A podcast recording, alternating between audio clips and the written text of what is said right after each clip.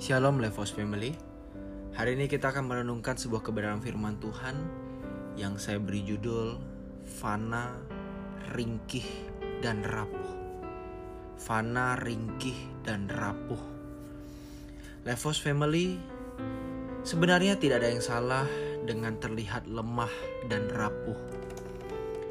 Justru ketika seseorang menyembunyikan kelemahan dan kerapuhannya dan berpura-pura kuat, ia menyangkali kemanusiaannya yang fana. Dalam kejadian kita melihat bahwa manusia diciptakan dari tanah. Penciptaan manusia dari tanah ini sebenarnya menggambarkan kefanaan, kelemahan, dan kerapuhannya. Manusia menjadi makhluk yang bernyawa dan kokoh hanya ketika ia dihembus oleh nafas ilahi. Levos Family, kadang kita harus jujur bahwa ketika orang Kristen mengaku bahwa dirinya lemah, rapuh, butuh orang lain, sedang khawatir, sedang takut, kadang-kadang kita menilai bahwa diri kita kurang rohani. Kita menilai kalau kita mengakui perasaan-perasaan yang tadi saya sebutkan, maka kita orang Kristen yang masih kecil, belum dewasa, kurang rohani, dan sebagainya. Padahal Levos Family, Alkitab berulang kali menunjukkan tokoh-tokoh yang hebat mengalami pergumulan yang serupa. Bahkan sosok Tuhan Yesus sendiri digambarkan sangat rapuh di Taman Getsemani ketika beliau harus berhadapan dengan peristiwa salib. Yesus sampai berkata bahwa jika boleh cawan ini lalu daripadaku. Dan dia mengucapkan itu dengan keringat yang bercucuran layaknya darah. Jadi sebenarnya Tuhan pun mengalami bahkan menunjukkan kerapuhannya sebagai manusia. Dia tidak malu, tidak merasa kurang rohani kalau terlihat takut, terlihat khawatir, terlihat lemah. Jadi sebenarnya tidak ada yang salah dengan perasaan-perasaan tersebut Levos Family. Semua perasaan tersebut manusiawi dan bisa dipahami. Setiap orang percaya harusnya dengan jujur mengakui bahwa dirinya takut, insecure, khawatir, atau bahkan masih sangat rentan dengan berbagai dosa. Dengan kejujuran semacam ini, kita bisa menerima diri kita apa adanya.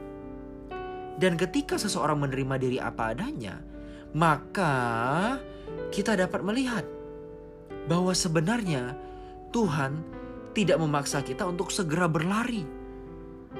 Tidak memaksa kita untuk segera cepat-cepat jadi orang yang hebat, jadi orang yang rohani, jadi orang luar biasa. Tidak.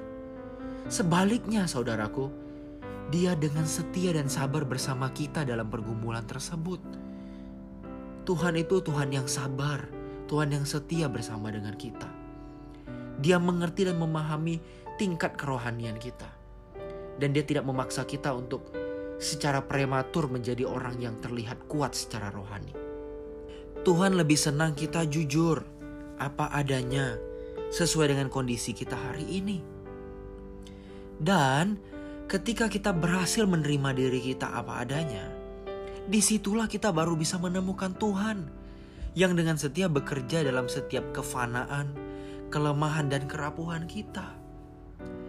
Kalau orang merasa bahwa dirinya kuat, tidak bisa berdosa lagi, tidak bisa jatuh lagi, tidak bisa takut, tidak bisa insecure, tidak bisa khawatir, maka sejatinya dia tidak bisa melihat Tuhan dalam hidupnya atau bisa gagal dalam bergantung pada Tuhan.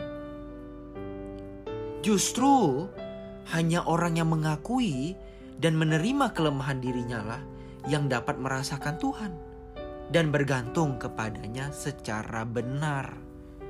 Jadi, bagaimana kita bisa merasakan Tuhan? Bagaimana kita bisa bergantung pada Tuhan? Levos Pemeli, jadilah manusia yang berani mengakui kefanaan, keringkihan, kerapuhan kita. Dan kita menerima diri kita apa adanya.